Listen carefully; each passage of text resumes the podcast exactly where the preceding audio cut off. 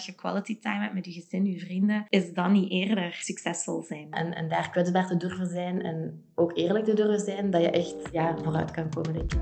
Welkom bij Eigen Boontjes, de podcastreeks van Leon, Leuvense jonge ondernemers. In deze reeks duiken we in het hoofd van jonge ondernemers die hun dromen hebben waargemaakt en hun eigen onderneming opstarten. Mijn naam is Elian en in deze aflevering praat ik met Linde van Tilia Babywearing over de mentale gezondheid als ondernemer. Hoe zorg je er bijvoorbeeld voor dat je je goed in je vel blijft voelen als ondernemer? Linde was vroedvrouw en zag een nood voor mooi ontworpen draagzakken voor baby's. Ze is als onderneemster bewust bezig met de stigma's rond mentale gezondheid. En dat geldt ook voor Astrid van House of Mindstyle. En dat geldt ook voor Astrid van House of Mindstyle. Zij maakt er haar missie van om ervoor te zorgen dat ondernemers vertrouwen in zichzelf. Astrid vertelt uit haar ervaringen als mindset coach. Uh, ik ben uh, Linde, ik ben oprichter van Tilia Babywearing. En Tilia is een uh, merk in draagsystemen voor baby's. Dus draagdoeken, draagzakken, alles erop en eraan. Um, ik ben eigenlijk gestart in 2017 al, uh, in bijberoep dan. Um, en dat kwam eigenlijk voort uit mijn uh, werk als vroedvrouw. Dus mijn vroedvrouwenopleiding. Uh, en zo is Tilia eigenlijk gestart. En ondertussen doe ik Tilia nu anderhalf jaar ongeveer echt in hoofdberoep. en is dat ook echt mijn werk. Ja. Ik werkte als vroedvrouw in de thuiszorg, dus niet in het ziekenhuis of zo. Dus dat wil zeggen van mensen dat mensen uh, thuis kwamen, begeleide ik hun uh, na de geboorte ongeveer tot één jaar. Uh, en dan is dragen daar wel een heel groot ding in, omdat dat veel voordelen heeft voor baby, maar ook voor jezelf als ouder. Dus je maakt het eigenlijk een heel stuk gemakkelijker als je kindje gewoon bij je draagt. Die is rustiger, ook zo voor kwaaltjes, krampen, reflux, van die dingen. Um, allee, worden die rustig, die huilen minder, uh, geeft minder stress voor je als ouder. Je hebt je handen vrij, je hebt het gevoel dat je allee, die vrijheid hebt om nog iets te kunnen gaan doen. Uh, bijvoorbeeld naar buiten gaan of zo van die dingen. Uh, dus daarom sta ik wel heel hard achter dat dragen. Um, en raad ik dat ook heel veel Um, maar op dat moment vond ik het aanbod heel uh, schraal. Zeker in België. er was er gewoon niet veel. En dan stoot ik heel vaak op de reactie van mensen van... Ah ja, oké, maar dat is niet mooi. Of dat is onhandig. Of ja, die liepen daar zelf wel wat tegenaan. Uh, en er waren eigenlijk heel veel drempels om dat niet te gaan gebruiken. Uh, en dat vond ik gewoon heel jammer. Want dan dacht ik, allee, het is er, het is zoiets goeds. Maar als je dat eigenlijk nog kunt fine-tunen en wat kunt aanpassen, zodat mensen dat echt iets zien als een heel leuk product, een mooi product, iets wat gemakkelijk is om aan te doen, dan gaan ze dat ook gewoon veel meer gebruiken. En dan is eigenlijk iedereen blij. Uh, en vandaar is dat dan eigenlijk gekomen om dat uh, zelf te gaan ontwikkelen. Toen Linde begon met ondernemen, had ze daar eigenlijk niet over nagedacht. Ze waagde de stap en sprong voor het avontuur. Hoewel ze er geen spijt van heeft, zou ze het achteraf gezien wel anders hebben aangepakt. Ik heb daar niet goed over nagedacht toen. Uh, stel dat ik dat nu opnieuw moest doen, als ik weet wat ik nu is, uh, dan had ik wel echt begonnen met een businessplan, financieel plan, dat helemaal gaan uitdokteren.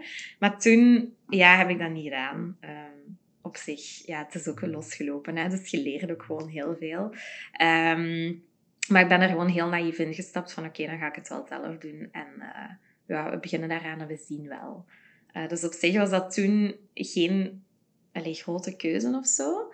Um, ook wel door uh, familie, vrienden die zo in de ondernemerswereld zitten, ja, die stimuleerden dat ook gewoon keihard. Want in het begin, um, je hebt dan een idee, je denkt, oh, zou ik dat gewoon zelf gaan doen? En het eerste waar dat je dan tegenaan loopt, is van, ja, maar wie ben ik om zelf iets te starten? En ik ben een vroedvrouw en ik ken daar helemaal niks van. En ik ken niks van hè, die, die financiële wereld of de, de ondernemerswereld. En ga ik dat wel kunnen? Um, en heb je eigenlijk al zo, of ik had dat toch, zoals schrik om je idee te pitchen aan vrienden, familie.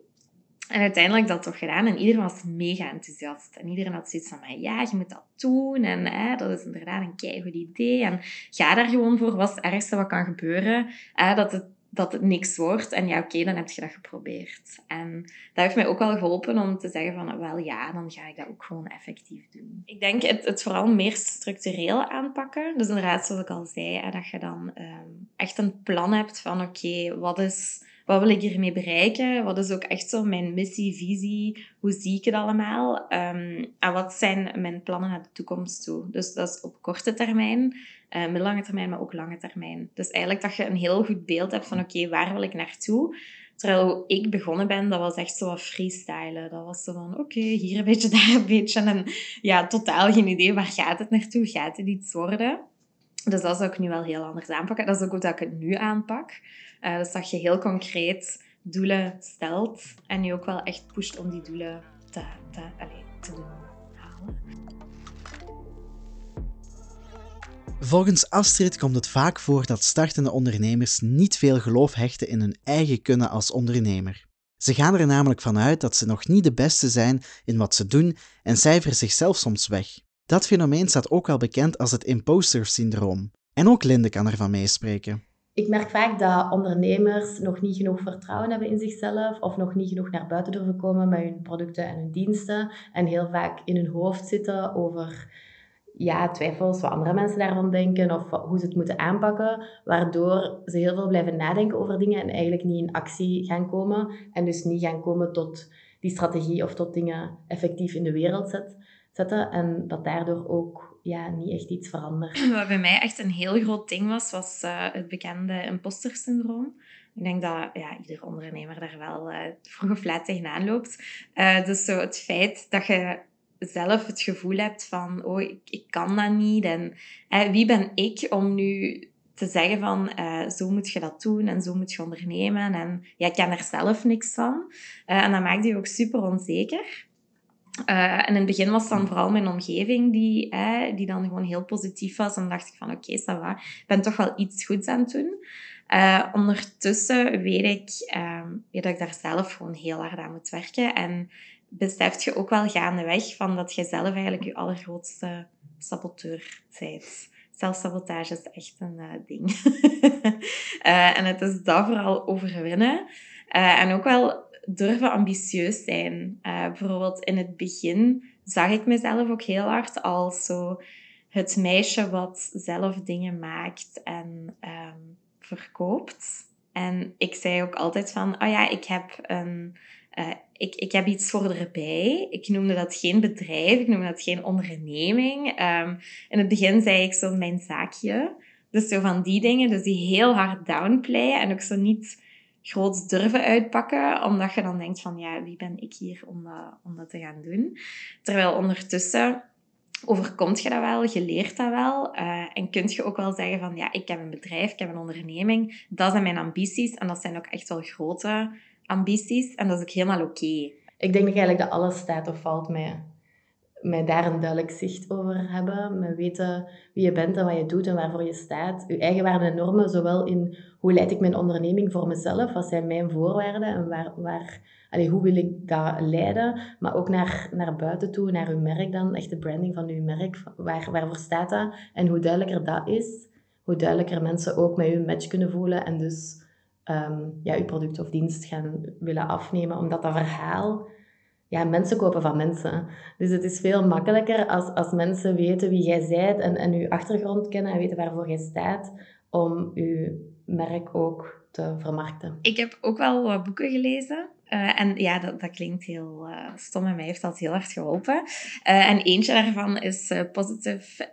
Intelligence. En dat gaat eigenlijk over uh, ja, er zit dan ook bijvoorbeeld een test bij die wat je kunt doen. En dat gaat over welke saboteurs dat je hebt die je eigenlijk heel hard remmen in je doen en in het ondernemen. Uh, en bij mij kwamen er dan een aantal uh, naar boven. en zo leert je jezelf gewoon heel goed kennen. bij mij een saboteur was bijvoorbeeld het rusteloze en perfectionisme. En rusteloze, dat wil eigenlijk zeggen dat je continu zo'n nieuwe impulsen wilt. Maar van het moment dat zo het nieuwe of het leuke eraf is, dat je dat dan zo laat liggen. En dat herkende ik wel heel hard in bijvoorbeeld um, een nieuw product ontwikkelen of zo. Dat vind ik super tof. Maar dan moet je natuurlijk, als dat product er is, uh, je moet dat ja, in de markt zetten, de productie, de opvolging, de verkoop. Daar komt nog heel veel bij kijken. En dan liet ik dat vaak zo'n beetje varen. Want dan had ik zoiets van, ah ja, maar het leuke is er vanaf, dus ja, ik, ik ga het een beetje negeren en uh, opzij leggen. Uh, en dan nog een hele grote was de vermijder. Dus dat wil eigenlijk zeggen dat je dingen gewoon oogkleppen gaat opzetten en denkt, oké, wat ik niet zie, dat is er niet. En door die dingen te lezen, besef je ook wel van, oké, dat zijn eigenlijk kantjes van mij. En je moet dat zo zien als zo het, het uh, hoe zeg je dat, het engeltje en het duiveltje op je schouder. Dat zijn eigenlijk die stemmetjes, uh, die wat je eigenlijk moet zien als aparte persoontjes, waarbij dat je eigenlijk in je hoofd tegen moet zeggen van, allez, kom aan, stop er nu mee, we gaan dat zo aanpakken. En dat heeft wel geholpen om bepaald gedrag te te herkennen en ook te zeggen van oké, nu ga ik dit niet doen. Uh, en een daarvan, uh, dat heeft iedereen, dat is de judge. En die veroordeelt heel hard. Dus dat is heel hard het stemmetje van ik ben niet goed genoeg. Uh, waarom is mijn product beter dan een ander product? Um, um, ik kan me geen ondernemer noemen, want ik heb nog geen bedrijf waar honderd mensen onder mij werken. En dan moet je ook echt tegen die judge zeggen van ja, je zit echt stom, zwijg nu.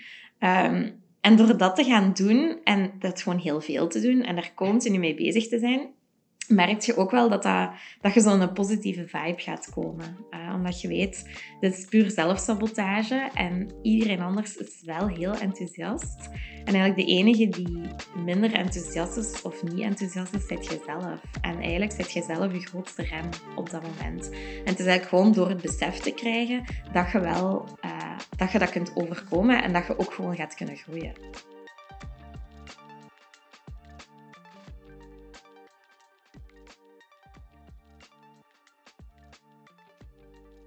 Het was daarom voor Linde ook een moeilijke stap om 100% te gaan voor haar onderneming. Ze had Tilia Babywearing in bijberoep, maar ze was nog vroedvrouw in hoofdberoep. En dat zorgde voor werkzekerheid, maar ook voor een zekere inkomstenbron. Bovendien deed ze dat vroedvrouwenwerk erg graag en dat maakte de stap eens zo moeilijk. Uh, ja, ik heb daar heel, heel lang en diep uh, over moeten nadenken. Um, omdat ik, ik doe, enfin, ik deed dat vroedvrouwwerk ook gewoon mega graag. Um, ik noem me ook nog altijd vroedvrouw, terwijl op zich doe ik geen vroedvrouwwerk meer. Alleen in de type zin van het woord. Um, maar op dat moment, ja, ik zat ook in zo'n fijne uh, praktijk. Die collega's, dat was een heel vriendschappelijke band. Ik werkte daar super graag, ik deed het heel graag. Dus om daar dan ook afstand van te nemen, is ook gewoon heel moeilijk. Um, uh, omdat dat ook gewoon zo fijn was. Maar langs de andere kant had ik ook het gevoel van, ja, het is nu of nooit. Um, want eigenlijk is dat gekomen via Stad Leuven, stond er ineens een pop-up pand te huur. Uh, voor eigenlijk een heel voordelige prijs.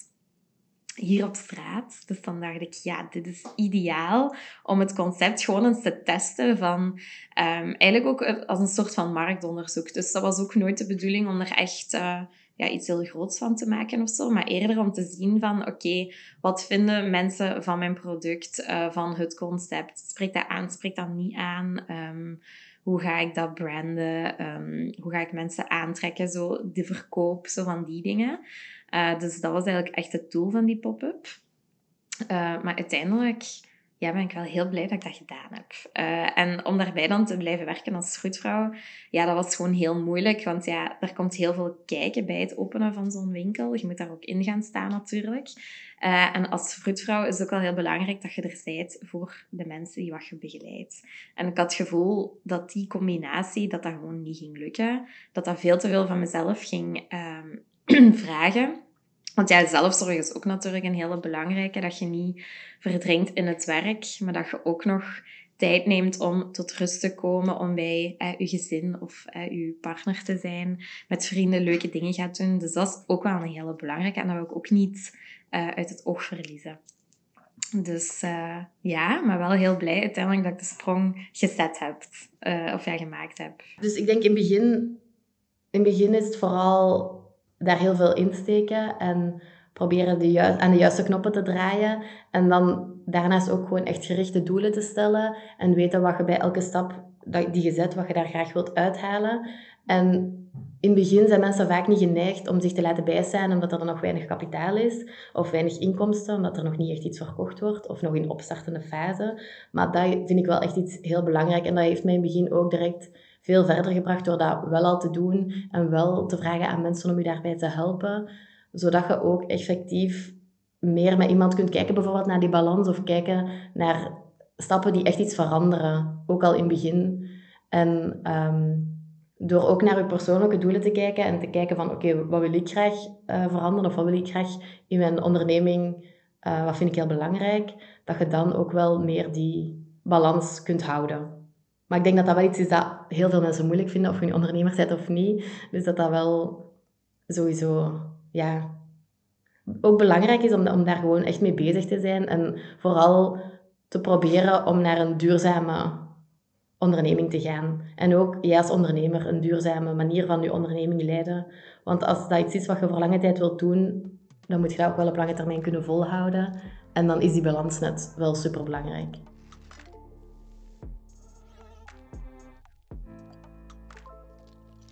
Als solo-ondernemer lijkt het bovendien vaak dat je met honderden zaken tegelijk moet bezig zijn. Je businessplan moet up-to-date zijn, je financiën moet je in het oog houden, je moet netwerken en je relaties onderhouden met klanten of partners, je moet je website nog aanpassen, je moet de marketing nog doen, de PR verzorgen. Het stopt vaak niet. En dan wil je die dingen dan ook nog allemaal alleen doen en perfect uitvoeren. Maar dat, dat is volgens Linde onmogelijk. Ondernemen kan je niet alleen. Ja, je bent met heel veel zaken bezig. Uh, en ik denk dat dat ook wel de struggle is van een uh, eenmanszaak. Of ja, dat je een uh, solo-ondernemer bent. Um, maar ik denk ook wel dat het belangrijk is op het moment dat je dat kunt en je daar oké bij voelt om wat dingen uit handen te gaan geven. Om voor jezelf dan inderdaad wat meer rust en focus te creëren in je hoofd. Als jij alleen een bedrijf hebt, dus je bent solo-ondernemer, dan is ook heel vaak je bedrijf, je persoon. Dus als je bedrijf niet goed gaat, neem je dat ook vaak gewoon heel persoonlijk. Want het zal ik wel zijn die niet goed werk levert, of het zal ik wel zijn die het niet in de markt kan zetten. Of het zal niet voor mij weggelegd zijn om het allemaal alleen te regelen. En ik denk als, dat, als daar meer gedragenheid over kan zijn, over dat het gewoon ook niet altijd gemakkelijk is, dat het, dan, dat het dan wel makkelijker is voor mensen om daarmee naar buiten te komen. Omdat in het begin heb je zo het gevoel van alles wat ik zelf doe, doe ik beter. Maar je gaat wel merken dat dat niet is. dus heel vaak. Uh, nu begint dat bijvoorbeeld. Um, ik werk nu bijvoorbeeld samen met een uh, uh, atelier die ervaring hebben met babydraagzakken maken. Want die maken dat ook nog voor andere merken. Um, en die hebben keiveel know-how op dat gebied. Terwijl waar ik eerst dacht van, ik heb hier te kennis om een product te ontwikkelen en tot iets heel goeds te maken, komen zij nu echt zo met dingen van, ik zou dit anders aanpakken, ik zou dit anders aanpakken. En dan denk ik al van, ja, je hebt echt gelijk. Uh, dus gaandeweg leert je dat ook wel. En ook op heel veel andere gebieden. Hè? Boekhouding bijvoorbeeld, of marketing... Um, op heel veel vlakken heb je ook coaches of, of mensen die je kunnen bijstaan, die wat daar gewoon kei veel ervaring en kennis in hebben. Ehm, en dan mocht je dat ook gewoon uit handen geven. Hè? Ehm, vaak doen die mensen dat beter dan jij. Ik volg ook wel mensen die, die dat wel doen af en toe. En ik doe dat zelf ook wel af en toe. Ik heb, zeg ook wel, ik ben ik zeg natuurlijk niet alles, denk ik, dat doet niemand, maar ik ben daar wel vrij eerlijk in, ook als het gewoon met mij persoonlijk niet goed gaat, uh, of als ik mij niet goed in mijn vel voel. Ehm, en ik weet wel dat mijn beperkende overtuiging dan is van, oh nee, maar ik wil, ik wil eigenlijk gewoon zeggen, het gaat niet altijd goed, want het gaat bij niemand altijd goed, maar ik wil ook niet per se dat iedereen nu mij daarom zielig vindt of zo, want ik vind mezelf niet per se zielig, maar ik wil gewoon die andere kant eens tonen, dat het niet altijd goed gaat en dat dat ook gewoon niet kan. Want dat is ook deel van mentale gezondheid en van het leven, dat dat op en af gaat. En dat er goede periodes zich afwisselen met mindere periodes. Dat is vreselijk voor het leven en daar kan geen mindset coach iets aan veranderen, helaas. Er bestaan heel wat stereotypen over ondernemerschap en het profiel van ondernemers. Volgens Linde leeft de idee bijvoorbeeld dat lange werkdagen, nooit thuis zijn en geen tijd hebben voor een sociaal leven de weg naar succes is. Volgens Linde hoeft dat helemaal niet zo te zijn. En Astrid legt uit dat veel ondernemers inderdaad hard werken, maar dat dat niet per se in de weg moet staan van een gebalanceerde agenda. Dat is iets wat keihard is. En ook, um, je hoort dat ook heel veel. Hè? Ehm, ja, ik zit ook uh, bij Young Voca bijvoorbeeld. Uh, daar allee, organiseren we heel veel netwerkmomenten. Dus je komt met heel veel ondernemers in, in aanraking. En vaak is dat wel zo een iets dat heerst van, oh ja, lang werken, hard werken, lange dagen, veel uren. Uh, want dan ben je succesvol. En eigenlijk ben ik het daar compleet mee oneens. Want dan denk je, oké, je kunt heel lange dagen werken. Maar als je heel inefficiënt werkt, ja, dan is dat eigenlijk super stom. Hè? Allee, dat, is, totaal niet handig.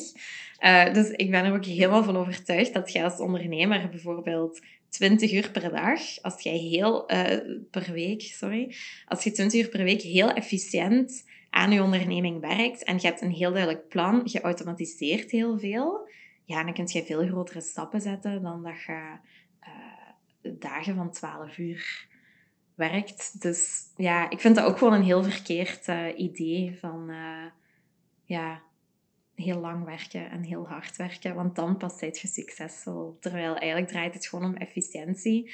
En uiteindelijk ook van wat wilt je in het leven. Hè? En ik denk ook in essentie gaat het niet over hoeveel uur of hoe hard je werkt, maar vooral over doe de juiste dingen die nodig zijn om mijn bedrijf naar het volgende niveau te brengen en niet ja, kan, kan zeven nieuwsbrieven per week maken, maar is dat nodig en gaat mijn, gaat mijn bedrijf daarvan groeien? En dat daardoor, allez, als je daar goed zicht op hebt, dat dat wel ja, niets is wat ik tegenkom. Wanneer zijt je succesvol? Is dat als jij bijvoorbeeld hè, dagen hebt van 12 uur, um, dat je nooit weekends neemt, dat je geen vakantie neemt en dat je bedrijf eigenlijk heel goed groeit? Noemt je dat succesvol? Of vind je dat succesvol als jij um, eigenlijk heel goed kunt leven van je bedrijf, hè, dat je een mooie omzet draait, maar dat je 20 uur per week werkt, dat je keihard op vakantie kunt gaan, dat je quality time hebt met je gezin, je vrienden, is dan niet eerder uh, succesvol zijn. Want eigenlijk, als je gaat kijken hoeveel dat je dan, als je je omzet eigenlijk um, zet ten opzichte van je aantal gewerkte uren, wie is dan het beste bezig? En dan denk ik dat dat de tweede persoon is die meer tijd over heeft. Dus, maar dat is natuurlijk mijn idee. Hè? Uh, en dat is ook wel iets wat ik um, probeer te doen, ook in mijn eigen onderneming, door te automatiseren, door eigenlijk te proberen heel efficiënt te werken, dat je niet van die monsterdagen hebt. Die zitten er altijd wel tussen, hè? maar dat is nog niet de standaard. Um, want ja, voor mij hoort bijvoorbeeld sporten, uh, leuke dingen doen met vrienden, familie. Uh, voor mij is dat zelfzorg. En dat maakt dat je ook die stress, want ondernemen geeft heel veel stress, maar dat maakt dat je die stress ook wel aan kunt. In mijn agenda heb ik wel twee dagen dat ik echt coaching doe. Dus dat ik um, afspraken met cliënten of meetings of zo uh, inplan. En de andere dagen zijn dan voor meer deep work. Dus echt dingen creëren of, of eens naar de strategie van mijn eigen bedrijf kijken, want dat schiet er dan ook wel uh, bij in. Of dan die nieuwsbrieven schrijven of zo'n dingen. En dus op die twee dagen dat ik echt alleen maar, alleen niet alleen maar, maar vooral dan contact heb met cliënten. Um, en dat helpt mij wel om die focus te houden. Want als ik uh, een aantal meetings of, of gesprekken op een dag heb, die tijd daartussen, schakelen van de ene persoon naar de andere persoon, of van de ene meeting naar de andere meeting, dat is eigenlijk tijd die, die heel rap voorbij gaat. Dus dan probeer ik die andere dagen zo gefocust mogelijk te werken. Um, wat ik ook wel doe, maar ik denk dat iedereen dat voor zichzelf moet uitmaken, maar wat ik soms ook wel doe, is als bijvoorbeeld op dinsdagmiddag de zon schijnt, dan ga ik wandelen. En dan vind ik dat ook niet erg om zaterdagmiddag een paar extra dingen te doen. Dus ik denk dat dat zo wel een voor- als nadeel is, dat je altijd kan werken. Um, maar dat is dus voor mij bijvoorbeeld heel belangrijk, dat ik wel gewoon genoeg buiten kom en dat ik van het zonnetje kan genieten. Dus als die mogelijkheid er dan is om te schuiven in mijn agenda, dan doe ik dat ook wel.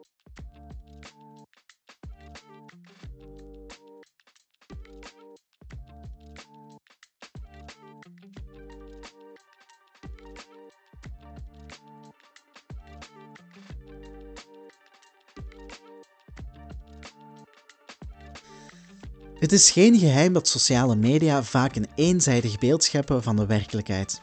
Ook daar worden er heel wat stereotypen in leven gehouden over het ondernemerschap.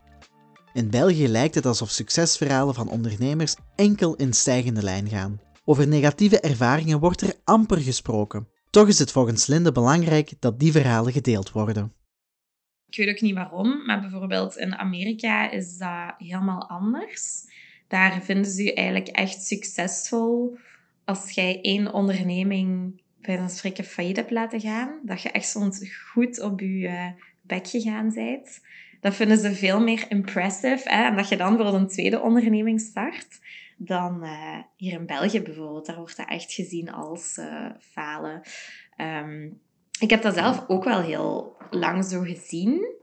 Ehm, maar uiteindelijk gaat je ook wel beseffen van... Oké, moest het nu niet slagen, dan is dat echt niet het eind van de wereld. En je kunt altijd nog opnieuw gaan ondernemen. Ehm, en je leert zoveel uit dat proces.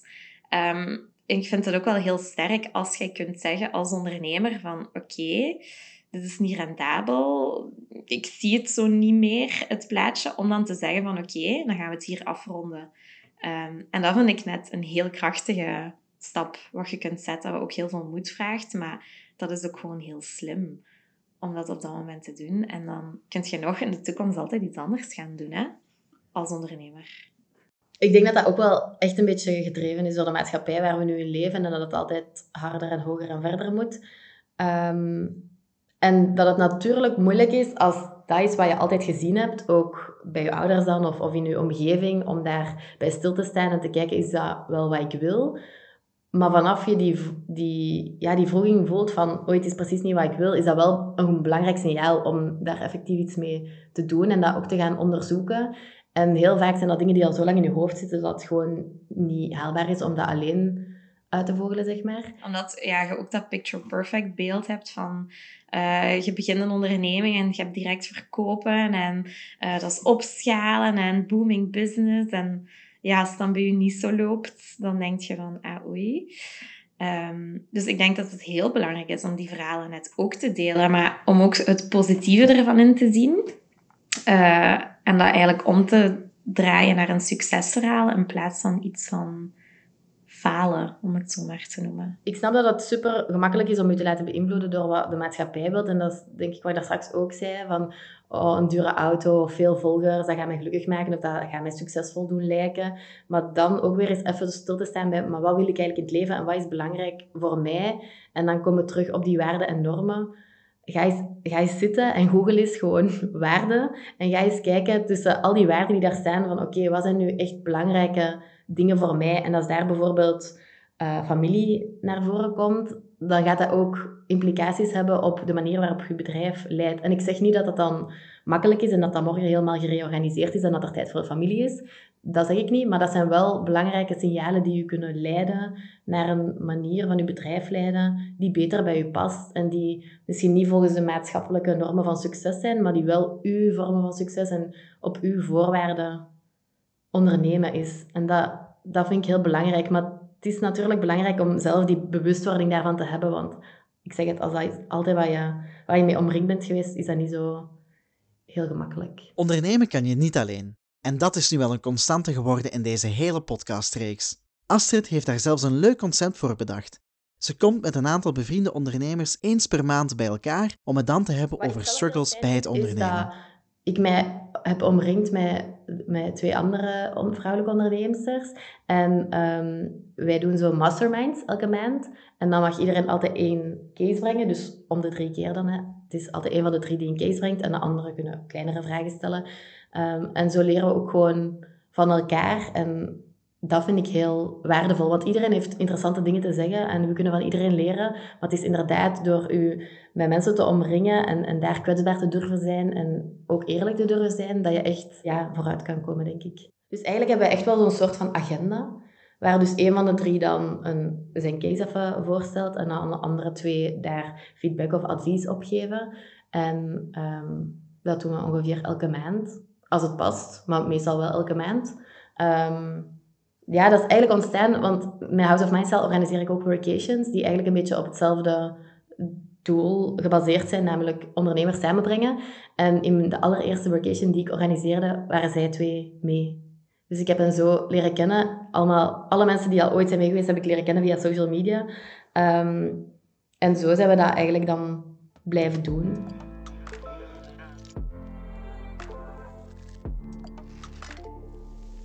Denk vooral uh, ook ambitieus durven zijn. Zeker als startende ondernemer. Of ik denk zeker als student-ondernemer.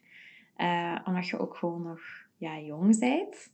Ehm, en echt durven, durven ambitieus zijn, durven ervoor gaan. Dat is eigenlijk het beste advies uh, wat ik kan meegeven. Stel je eigen doelen en ga voor je eigen doelen. Ook in de zin van, trek je dat niet aan als je beste vriendin dat niet per se interessant vindt. Dat gaat er niet voor zorgen dat zij u minder gaat zien, maar dat wil gewoon zeggen dat zij daar niet per se geïnteresseerd in is. Maar laat je dat niet afschrikken om toch die dingen te gaan doen en echt voor je eigen dromen te gaan. Je luisterde naar de vierde aflevering van Eigen Boontjes, de podcast van Leon, Leuvense jonge ondernemers. Leon is een samenwerking tussen de stad Leuven, KU Leuven, UCLL, Lucas School of Arts en wordt ondersteund door Vlaio. Je hoorde de stemmen van Linde Stifter van Tilia Babywearing, Astrid Florquin van House of Mindstyle en mijzelf, Elian Pergola. Met deze podcastreeks willen we ondernemende jongeren inspireren en motiveren. In de volgende aflevering vertelt Jonas van MediaX je alles over sales en marketing. Heb je na het beluisteren van deze podcast zin gekregen om zelf aan de slag te gaan en je eigen boontjes te doppen? Check dan zeker de website van Leon via www.leuvensejongeondernemers.be. Meer informatie vind je in de beschrijving van deze podcast.